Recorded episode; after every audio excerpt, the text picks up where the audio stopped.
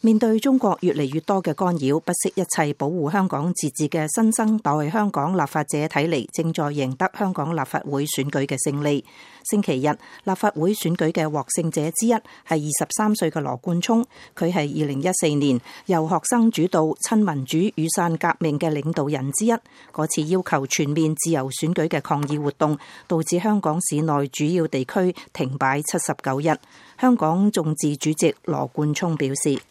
I think indeed uh, there's some like heritage from the umbrella movement. For example,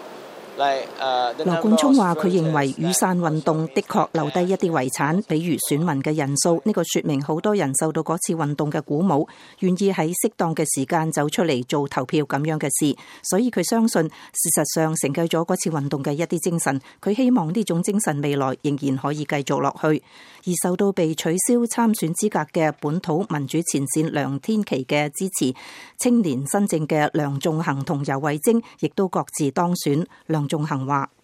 如果香港政府再强行将一啲不公不义嘅法案强行推俾香港人，我相信更加激烈嘅冲突陆续有嚟。上個月，羅冠聰同另外一位抗議領袖黃之峰，因為佢哋喺嗰啲抗議活動中發揮嘅領導作用而被定罪，但系獲得轻判。佢哋共同創立咗香港眾志政黨，倡導喺全香港舉行脱離北京而獨立嘅全民公决，共有二百多萬人，即係百分之五十八嘅登記選民喺星期日嘅選舉中投票。呢個係自從一九九七年英國將香港嘅管理權交還中國後舉行嘅所有立法會選舉中。投票率最高，好多投票站一直开放到星期一凌晨，被官方投票截止时间延长几小时。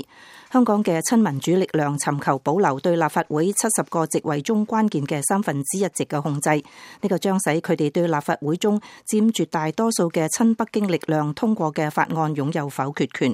佢哋越嚟越担心北京正在蚕食香港嘅公民自由。一九九七年嘅移交协议确保香港至少五十年内享有自字。